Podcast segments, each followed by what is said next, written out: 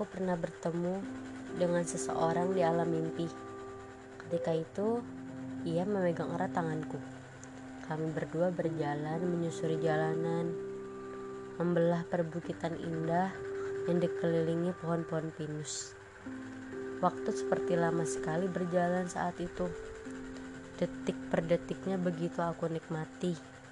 Tapi ketika sampai di persimpangan, ia melepaskan genggaman tangannya. Lalu ia berjalan pergi menuju salah satu jalan. Ia tinggalkan aku sendirian. Aku ingin mengejarnya, tapi entah kenapa aku tak mampu. Kedua kakiku seolah terpaku. Aku hanya bisa berteriak, meminta ia untuk kembali, tapi tetap saja ia tak peduli. Padahal senyumnya sempurna untuk ukuran manusia.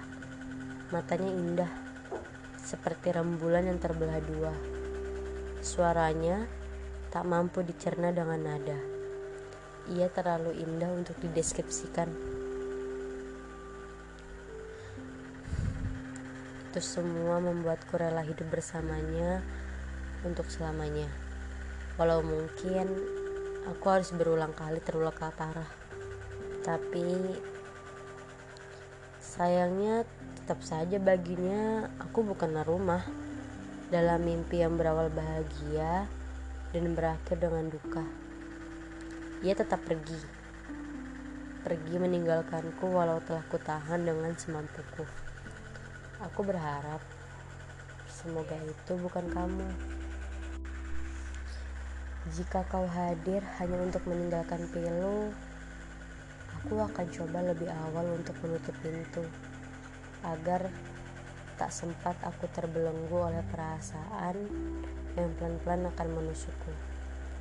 Namun, jika kau hadir memang berniat untuk menetap, maka akan aku persembahkan sebaik-baiknya tempat. Untukmu, yang ingin ku cintai dengan baik.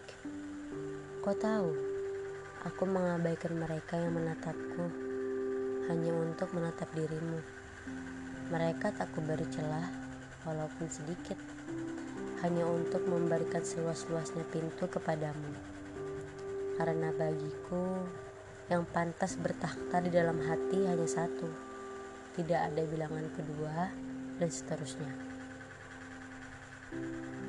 maka masuklah agar kau tahu dengan utuh apa yang ada di balik pintu.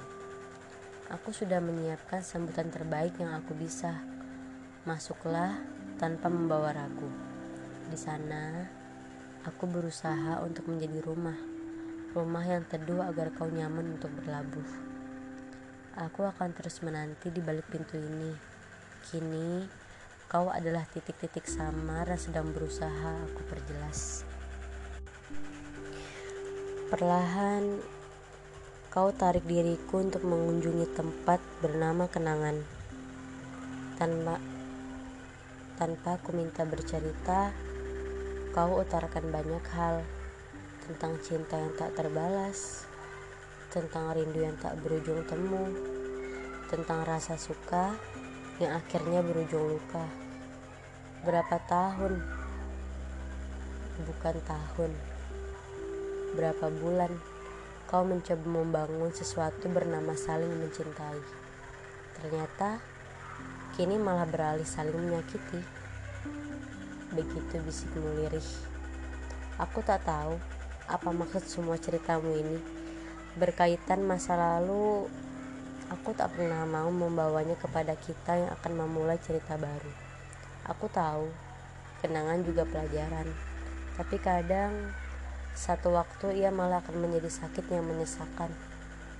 Di antara bahagia, ia akan menyelinap, menggerogoti pendasi yang mulai kuat. Namun, kita hanya sebatas teman. Tugas teman adalah mendengarkan. Jadi, aku mencoba hikmat menangkap semua kenangan yang kau terbangkan. Sampai kadang dalam sela-sela obrolan, kau tiba-tiba diam. Kau? Aku tiba-tiba diam dan menitikkan air mata. Teringat sesuatu yang mungkin menyesakkan dada. Namun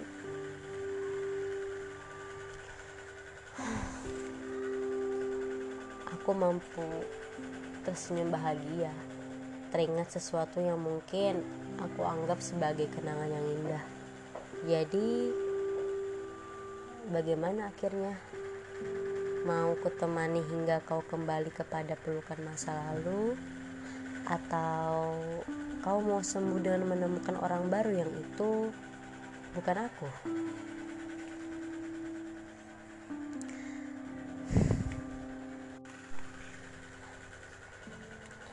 Hari ini cuacaku sedikit sendu. Pesan-pesan bahagia kini beralih menjadi pesan-pesan penuh duka. Inilah yang kutakutkan dari obrolan tentang kenangan. Kini ceritamu semakin dalam.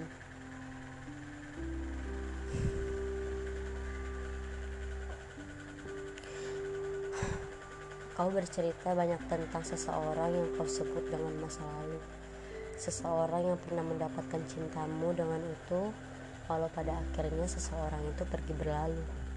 Ini kesempatan pikirku. Lukamu adalah jalanku mengambil satu tempat istimewa di hatimu. Tapi kau katakan tentangnya belum selesai dalam hidupmu. Ia tetap berkuasa penuh atas tempat teristimewa di hatimu. Bodoh sekali seseorang itu. Menyia-nyiakan seorang yang nyaris sempurna sepertimu. Kenapa bukan aku yang pertama menjadi pelabuhan cintamu? Namun begitu, aku masih berusaha untuk menjadi pendengar yang baik. Aku berusaha sabar kepada sakit yang tiba-tiba menyebar. Cerita kita panjang, walau ini menyesakan, sebab isinya hanya tentang luka dan kenangan. Sempat aku gegabah menawarkan diri sebagai obat. Tapi kemudian kau malah menarik diri dari obrolan. Kau bilang tak perlu terburu-buru. Jalani saja dulu. Lantas apalagi yang bisa aku lakukan selain bertahan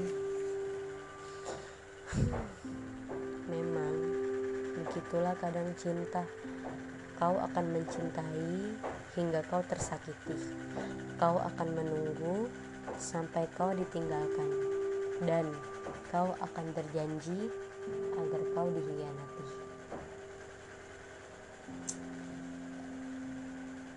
By the way, ini bukan cerita aku, bukan tentang dia, mereka atau siapa pun itu. Tokoh di cerita ini samar dan gak ada yang tahu. Jadi jangan berpikir ke mana-mana ya. See you